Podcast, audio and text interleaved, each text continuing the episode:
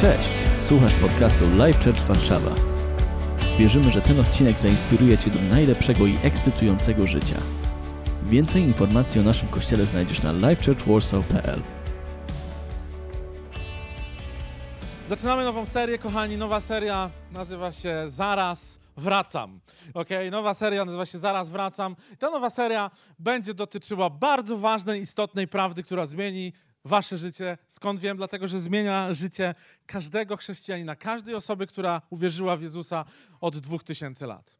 Prawda ta dotyczy motywacji tym, że nasz Pan, Jezus Chrystus, zaraz wraca. O, że co? Jeżeli nigdy nie słyszałeś tego, że Jezus Chrystus zaraz wraca, to chcę ci powiedzieć, to jesteś w dobrym kościele. Daj nam 12 miesięcy, a wszystko ci wytłumaczymy.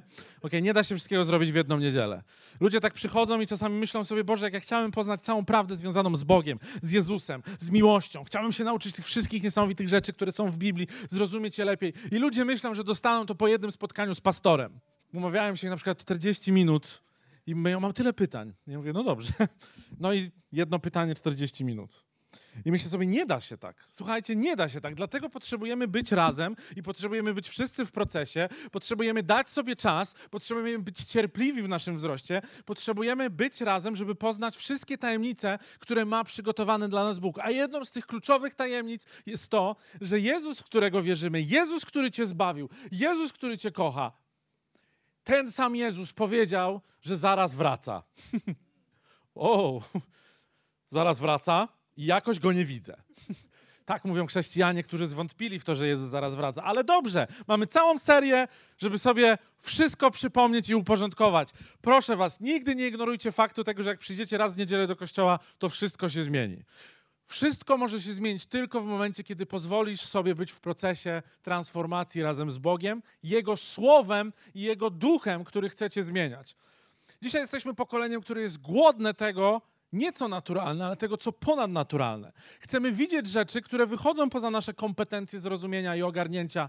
Chcemy widzieć metafizyczne zmiany, które nie są widoczne na pierwszy rzut oka, dlatego że jesteśmy zmęczeni tym, co widzimy. Widzieliśmy już bardzo dużo. Mamy dostęp do wszystkiego. Internet zdążył nam pokazać wszystko. Niektórzy zaszli na same krańce internetu i widzieli już wszystko. I nic ich nie zaskoczy, ale może zaskoczyć was ta prawda, że Jezus, który nas kocha, Jezus, którego wierzymy, Syn Boży, który przyszedł, umarł i trzeciego dnia zmartwychwstał. Ten sam Jezus przyszedł raz i jak Biblia mówi, przyjdzie drugi raz.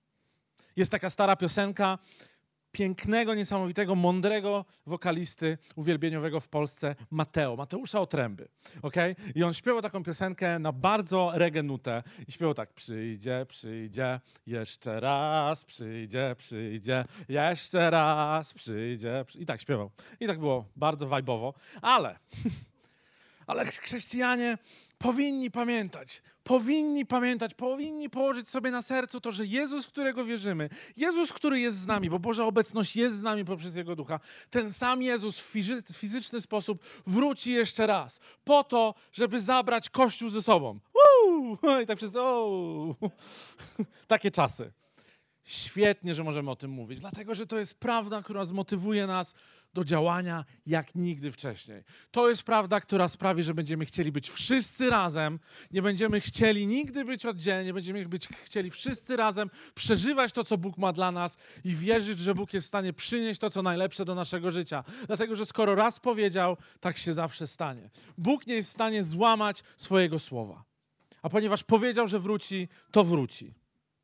Okej, okay. mamy dla Was kilka wersetów, którymi chcieliśmy zacząć, dlatego że te wersety wprowadzą nas w zrozumienie i nie chcemy być gołosłowni, zawsze używamy Słowa Bożego, bo Słowo Boże jest podstawą i podwaliną tego, w co wierzymy.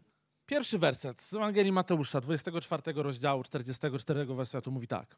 Dlatego i wy bądźcie gotowi, gdyż Syn Człowieczy przyjdzie o godzinie, której się nie domyślacie.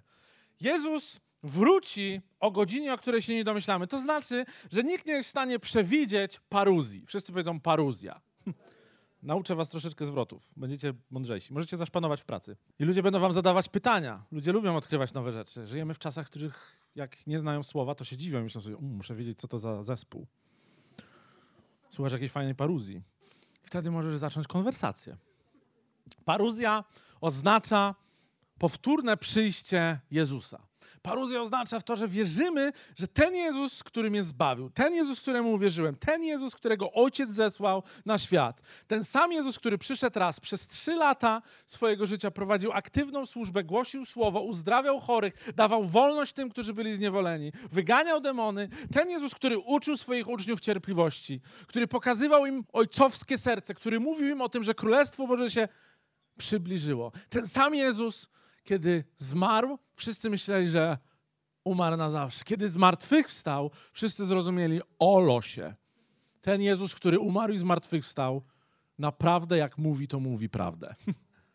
Czyli ten sam Jezus, który potem, po okresie pokazywania się ludziom, spędzania czasu ze swoimi uczniami, został w niebo wzięty, a właściwie w niebo wstąpił. I ten sam Jezus wróci.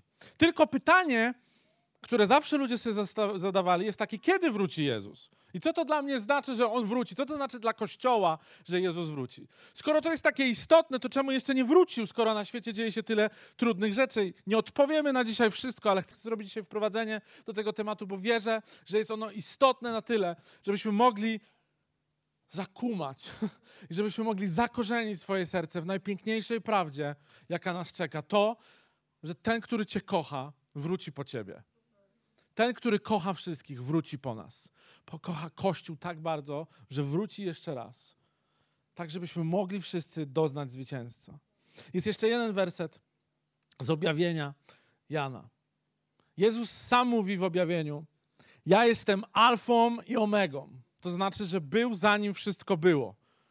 I będzie zanim wszystko będzie. Ja jestem alfą i omegą, mówi Pan. Bóg, który jest, który był i który nadchodzi, wszechmogący.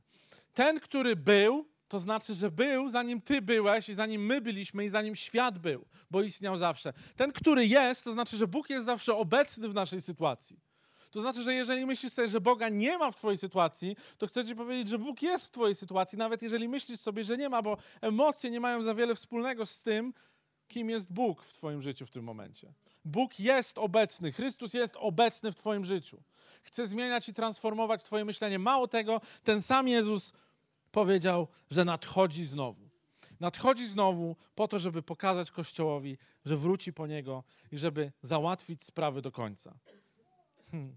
Kolejny werset z objawienia mówi to. Oto przychodzę wkrótce. Sam Jezus to powiedział. Przychodzę wkrótce. Przychodzę wkrótce, moja zapłata jest ze mną. Oddam każdemu zgodnie z jego czynem. Ok. Bardzo ważny update dla wszystkich, którzy jeszcze nie słyszeli. Update polega na tym, nowa informacja, którą chcę Wam dzisiaj dać, która jest prosto z Biblii, polega na tym. Jezus wraca z nagrodami.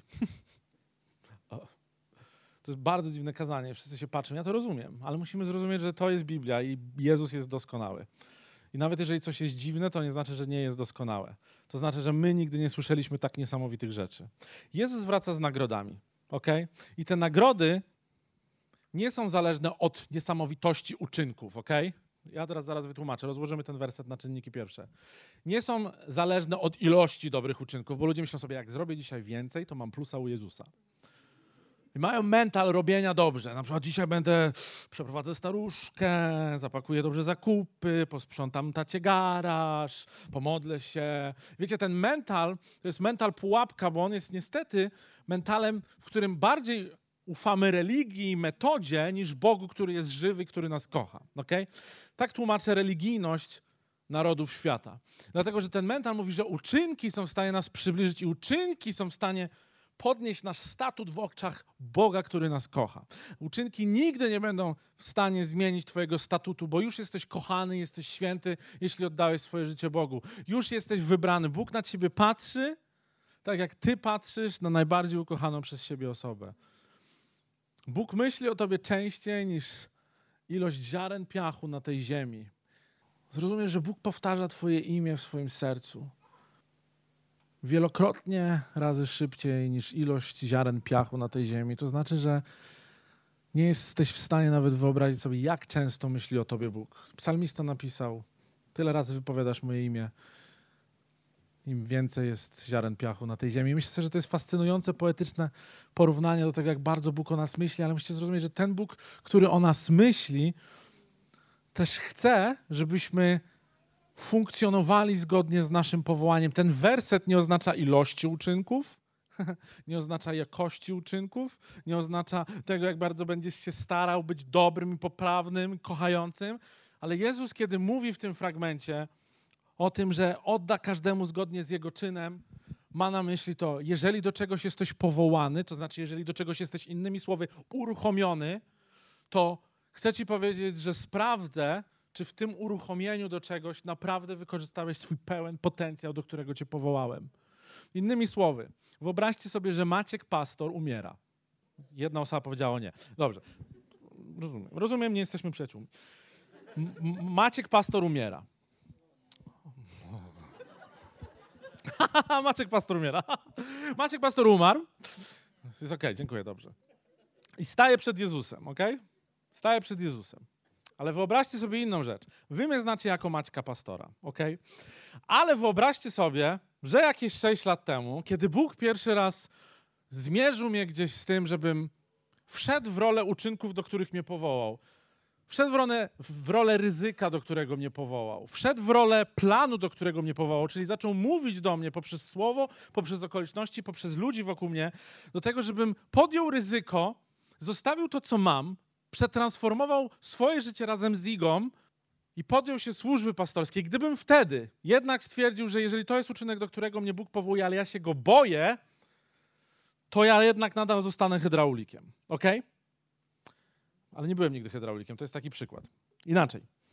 Wyobraźcie sobie, że nigdy nie zostałem pastorem. Wyobraźcie sobie, że całe życie byłem hydraulikiem.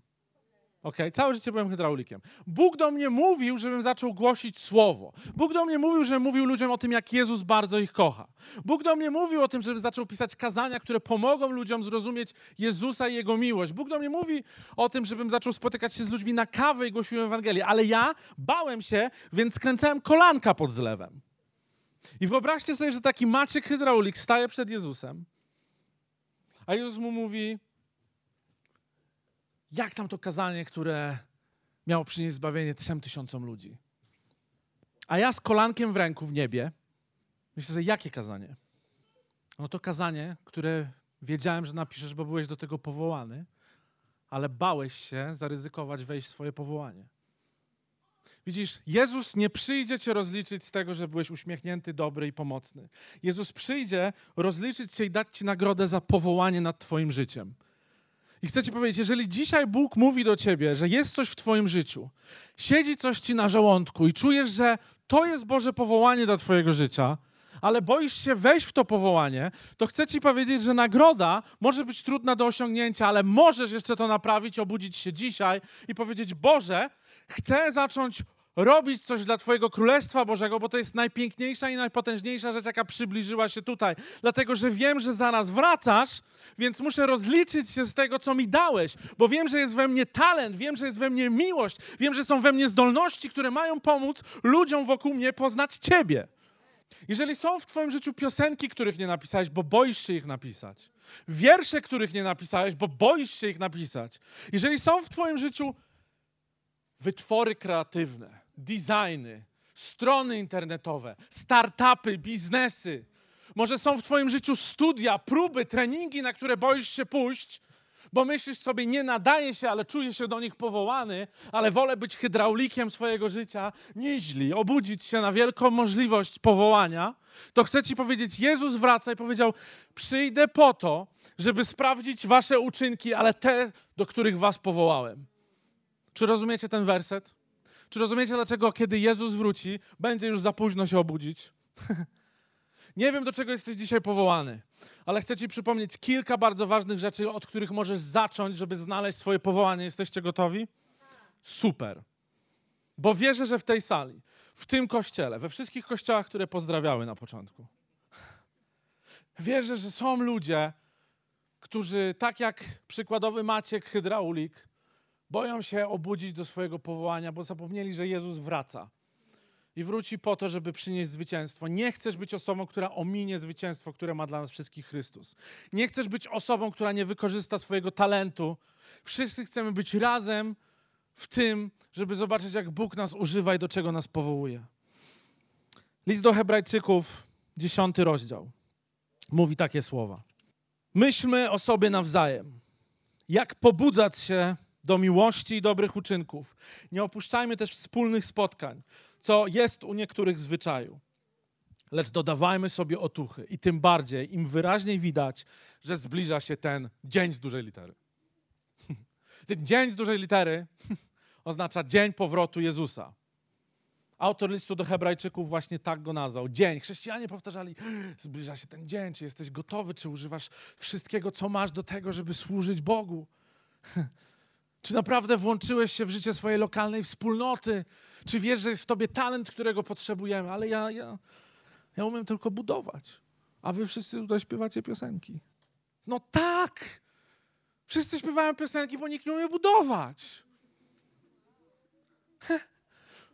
Potrzebujemy, żebyś coś zbudował, bo śpiewamy na świeżym powietrzu. A, to Pan Bóg chce użyć mojego zwykłego skilla budowania do tego, żeby coś się stało. Tak! Mhm. Może myślisz sobie, ja, ale ja jestem dobry tylko z dziećmi. Nie umiem śpiewać, nie jestem może kreatywny, ale mam cierpliwość do krzyczących bobasów. Amen! Amen, masz cierpliwość, ponadnaturalną cierpliwość nad swoim życiem. Zrozumienie Bobasa, czytasz im w myślach. Wiesz, że jak jest tutaj, to za minutę będzie tutaj. Widzisz to jak Spider-Man. To jest dar, bo ja go nie mam. Jak widzę dziecko tutaj, odwrócę się i dziecka nie ma, to nie wiem, gdzie jest dziecko.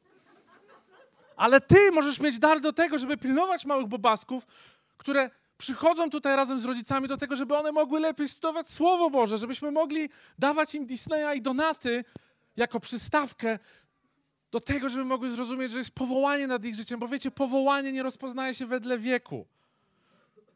Duch Święty, który na nas spada, osiada i który jest w nas, Duch Święty nie wybiera sobie ludzi, którzy mają 18 plus. Duch Święty jest dla każdego, od sasa do lasa, od bobasa do Juhasa.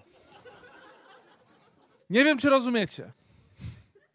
Ale dzisiaj, jeżeli siedzisz na krześle i pomyślałeś sobie, Boże, do czego Ty mnie powołujesz, to chcę Ci powiedzieć, ja wiem, do czego Bóg Cię powołał.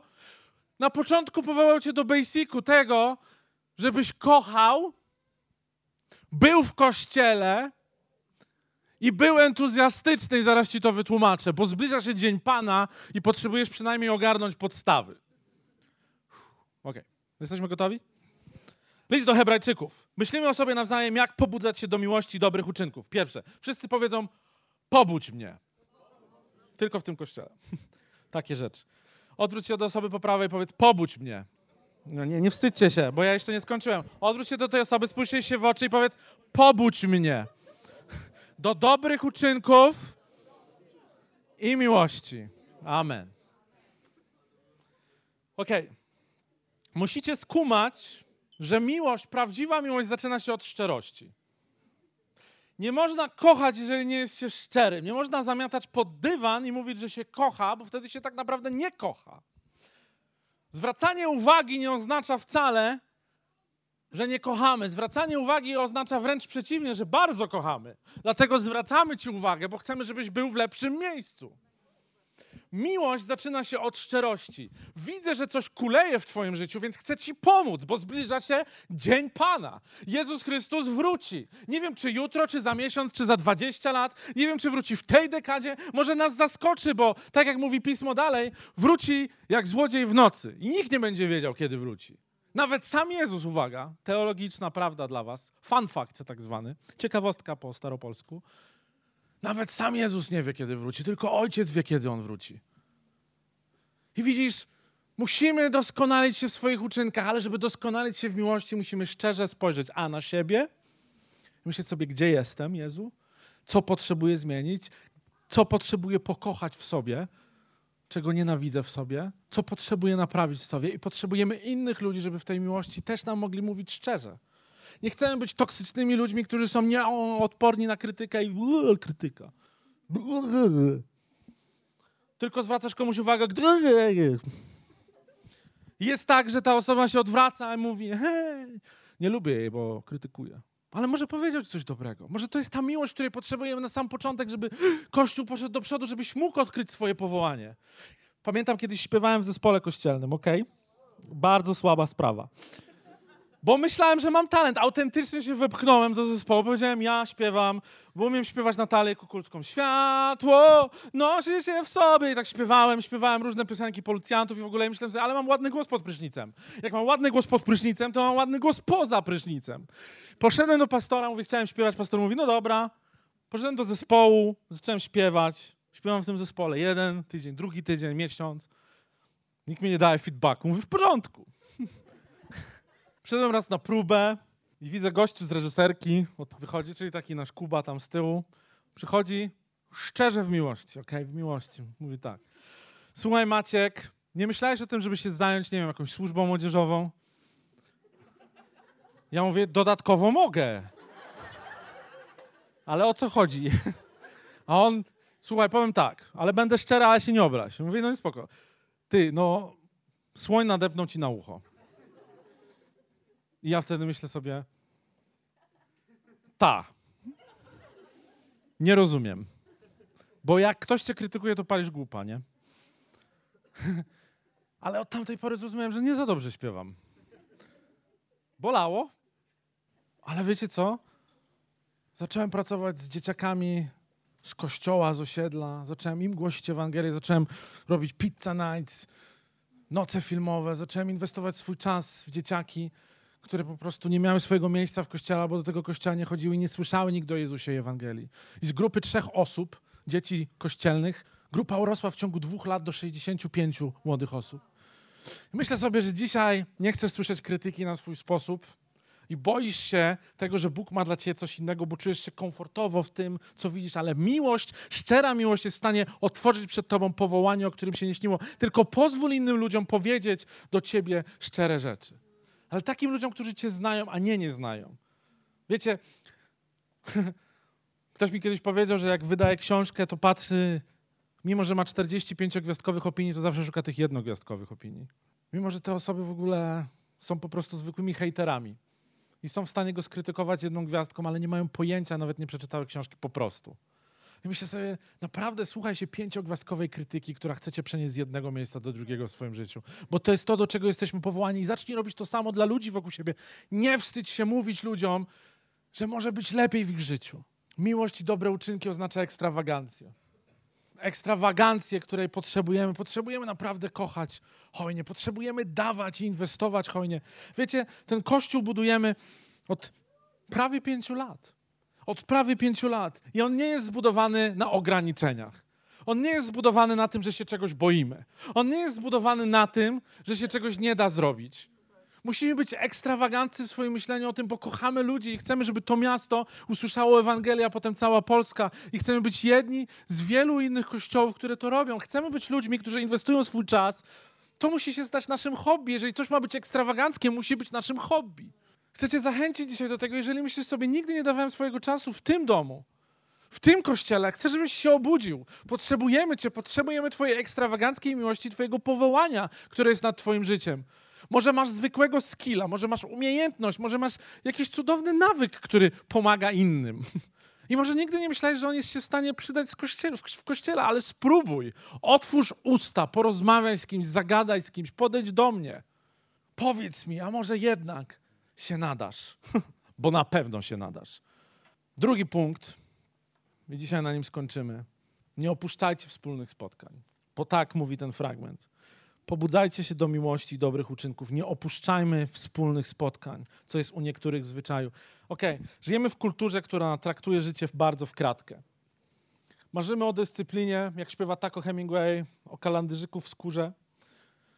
Marzymy o dyscyplinie, o tym, żeby mieć poukładane parę rzeczy, ale boimy się, boimy się dyscypliny, bo ona może przynieść przełom do naszego życia, którego potrzebujemy. Potrzebujemy być razem tutaj co niedziela. Co niedziela. Powiem wam przykład pierwszego kościoła. Pierwszy kościół spotykał się codziennie. Ktoś mi powie, no ale nie w Warszawie.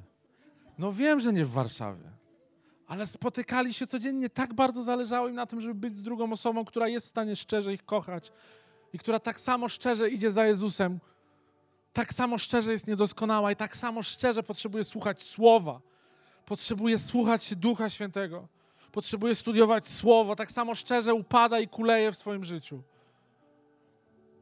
Wiecie, nie budujemy tutaj wydmuszki, która jest ala doskonała i ludzie udają, że wszystko jest w porządku. Szczerze, z żadnym was nie jest ok. Ale Kościół, wychodzę. Dobrze. Jak udajesz, że nie kulejesz, to musisz przejść jeszcze długą drogę. Mój przyjaciel powiedział mi: Nigdy nie ufaj osobie, która nigdy nie kulała. Nigdy nie ufaj osobie, która nigdy nie kulała. Możemy sobie zaufać tylko kiedy szczerze w miłości mówimy: Wiesz co, tu mi brakuje.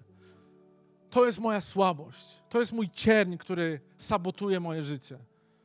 Ale wiem, że Chrystus ma łaskę, która mi wystarczy. Ten Chrystus, który wróci, ma łaskę dla mojego życia. Kiedy autor do listu do Hebrajczyków pisze, żebyśmy nie opuszczali wspólnych zgromadzeń, ma na myśli jedną bardzo ważną, konkretną rzecz. Ludzie sobie pytają, ale dlaczego? Co z tego, jak sobie w niedzielę jedną na przykład pojadę na działkę albo pojadę sobie na wakacje? Nie ma nic złego z wakacjami. Ja mówię często o rutynie życia, która mówi, pójdę sobie raz do kościoła, naładuję się, potem tydzień dam radę na oparach, miesiąc dam radę na oparach, dwa miesiące wrócę, naładuję się. Życie nie polega na doładowywaniu. Życie polega na byciu. Nie doładowujesz się od innych osób, nie doładowujesz się od Słowa Bożego. Jesteś tutaj po to, żeby Twój duch był ciągle poruszany przez Słowo i społeczność. Mało tego, powiem Wam tak. Dzisiaj się modliłem jeszcze o to, myślę sobie, Boże, daj mi jakiś obraz, że mógł tym ludziom, co ich tak kocham w kościele, powiedzieć, jak jest. Powiem Wam, jak jest. Wielu z Was uważa, że nie musicie być w niedzielę w kościele na live grupach, które się zaczynają za dwa tygodnie. Nie musicie służyć, nie musicie przychodzić wcześniej, bo myślicie sobie, Bóg jest wszędzie, Kościół jest online. Czytałem książkę, znam Boga, byłem już w kościele, przeczytam, nie, najlepsi są tacy, co, a ja przeczytałem całą Biblię, nic tam nie znalazłem. Ja nawet całej Biblii nie przeczytałem, a jestem pastorem. Ominąłem dwie księgi, których no, do dzisiaj nie mogę ugryźć. Wyznanie, też kuleje. On całą Biblię przeczytałem, nic tam nie znalazłem dla siebie. No, ekstra. Powiem wam tak, pomodliłem się dzisiaj, myślę, jak powiem do tych cudownych ludzi to, co chcę powiedzieć i znalazłem. Okej. Okay. Nie chodzę do kościoła co niedziela, bo Bóg jest wszędzie. Bóg jest wszędzie, bo mogę się modlić w domu, bo sobie przeczytam kazanie, jakieś tam online podcastu sobie posłucham. Jesteście też online na Spotify'u. Chcę ci powiedzieć tak, powietrze też jest wszędzie. Ale żeby zadziałało, musisz wziąć oddech i wydech. Bóg jest wszędzie, ale żebyś zrozumiał istotę swojego powołania, musisz przyjść tutaj, wziąć oddech, nakarmić się, pokochać ludzi, których nie cierpisz, usłużyć ludziom, których nie znosisz, nauczyć się czegoś od ludzi, których adorujesz, żeby oddać to powietrze z lepszą jakością. Samochody też są wszędzie, ale żeby gdzieś dojechać, musisz do jednego wsiąść. Kościoły też są wszędzie, ale musisz gdzieś należeć, musisz coś zrobić ze swoim życiem. Bo zaraz wracam, to jest hasło Jezusa. Potrzebujesz miejsca, w którym będziesz rósł. Wiecie co? Powiem wam tak. Wszędzie są też domy i rodziny, ale jest bardzo dużo, bardzo dużo porzuconych dzieci. I co z tego, że są dzieci, skoro nie ma rodzin, które są ich w stanie wychować? Co z tego, że są domy, ale nikt nie ma czasu poświęcić na to, żeby dać wzrost i nakarmić dziecko. Nie bądź osobą, która zignoruje Kościół, który Bóg ci dał w swojej łasce. Ten Kościół. Bo za ten Kościół jesteśmy odpowiedzialni, bo do tego Kościoła trafiłeś, bo w tym Kościele jesteś dzisiaj przez zaproszenie, albo przez znajomych, albo przez Boży cud w Twoim życiu. Nie daj się nigdy omamić, że nie jesteś potrzebny i możesz być wyłączony i możesz siedzieć na krześle, bo Bóg cię do tego nie powołał. Bóg cię powołał do tego, żebyś wsiadł w samochód. Bóg cię powołał do tego, żebyś wziął oddech. Bóg cię powołał do tego, żebyś nie patrzył z boku, jak inni wygrywają walki, ale żebyś włączył się do walki i wygrał swoją walkę. Chciałem, żebyśmy wstali, Kościele. Zaśpiewamy ostatnią piosenkę. Jezus wróci, to jest pewne. Nie wiemy kiedy, ale może wrócić zaraz. A zaraz wracam to jest hasło, które ma nas obudzić do tego, że ten nowy sezon w Twoim życiu, ten nowy sezon w Life Church Warsaw jest po to, żebyśmy mogli przybliżyć się do Boga i Jego powołania dla swojego życia. Bo Jezus powołał Cię do tego i nie chce, żebyś spał, nie chce, żebyś wstydził się cudownych talentów, darów, czasu, który masz.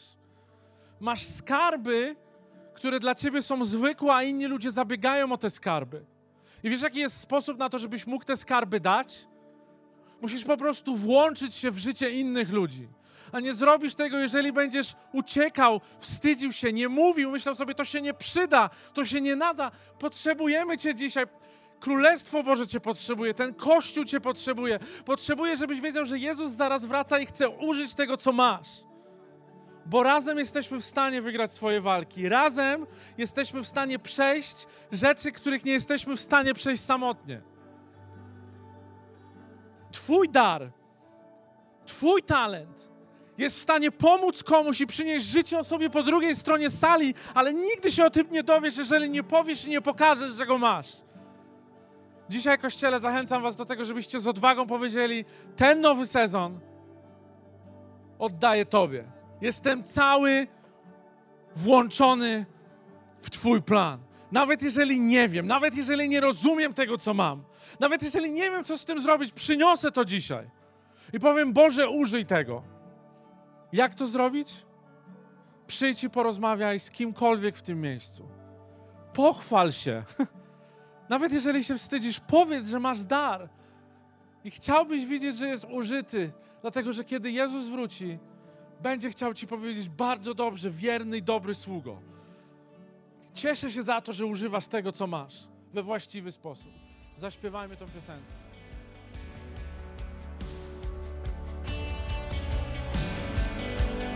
Mamy nadzieję, że ten odcinek Cię zainspirował. Kolejne odcinki ukazują się co tydzień. Pamiętaj, że możesz odwiedzić nas każdą niedzielę, a więcej informacji o naszym kościele znajdziesz na livechurchwarsaw.pl.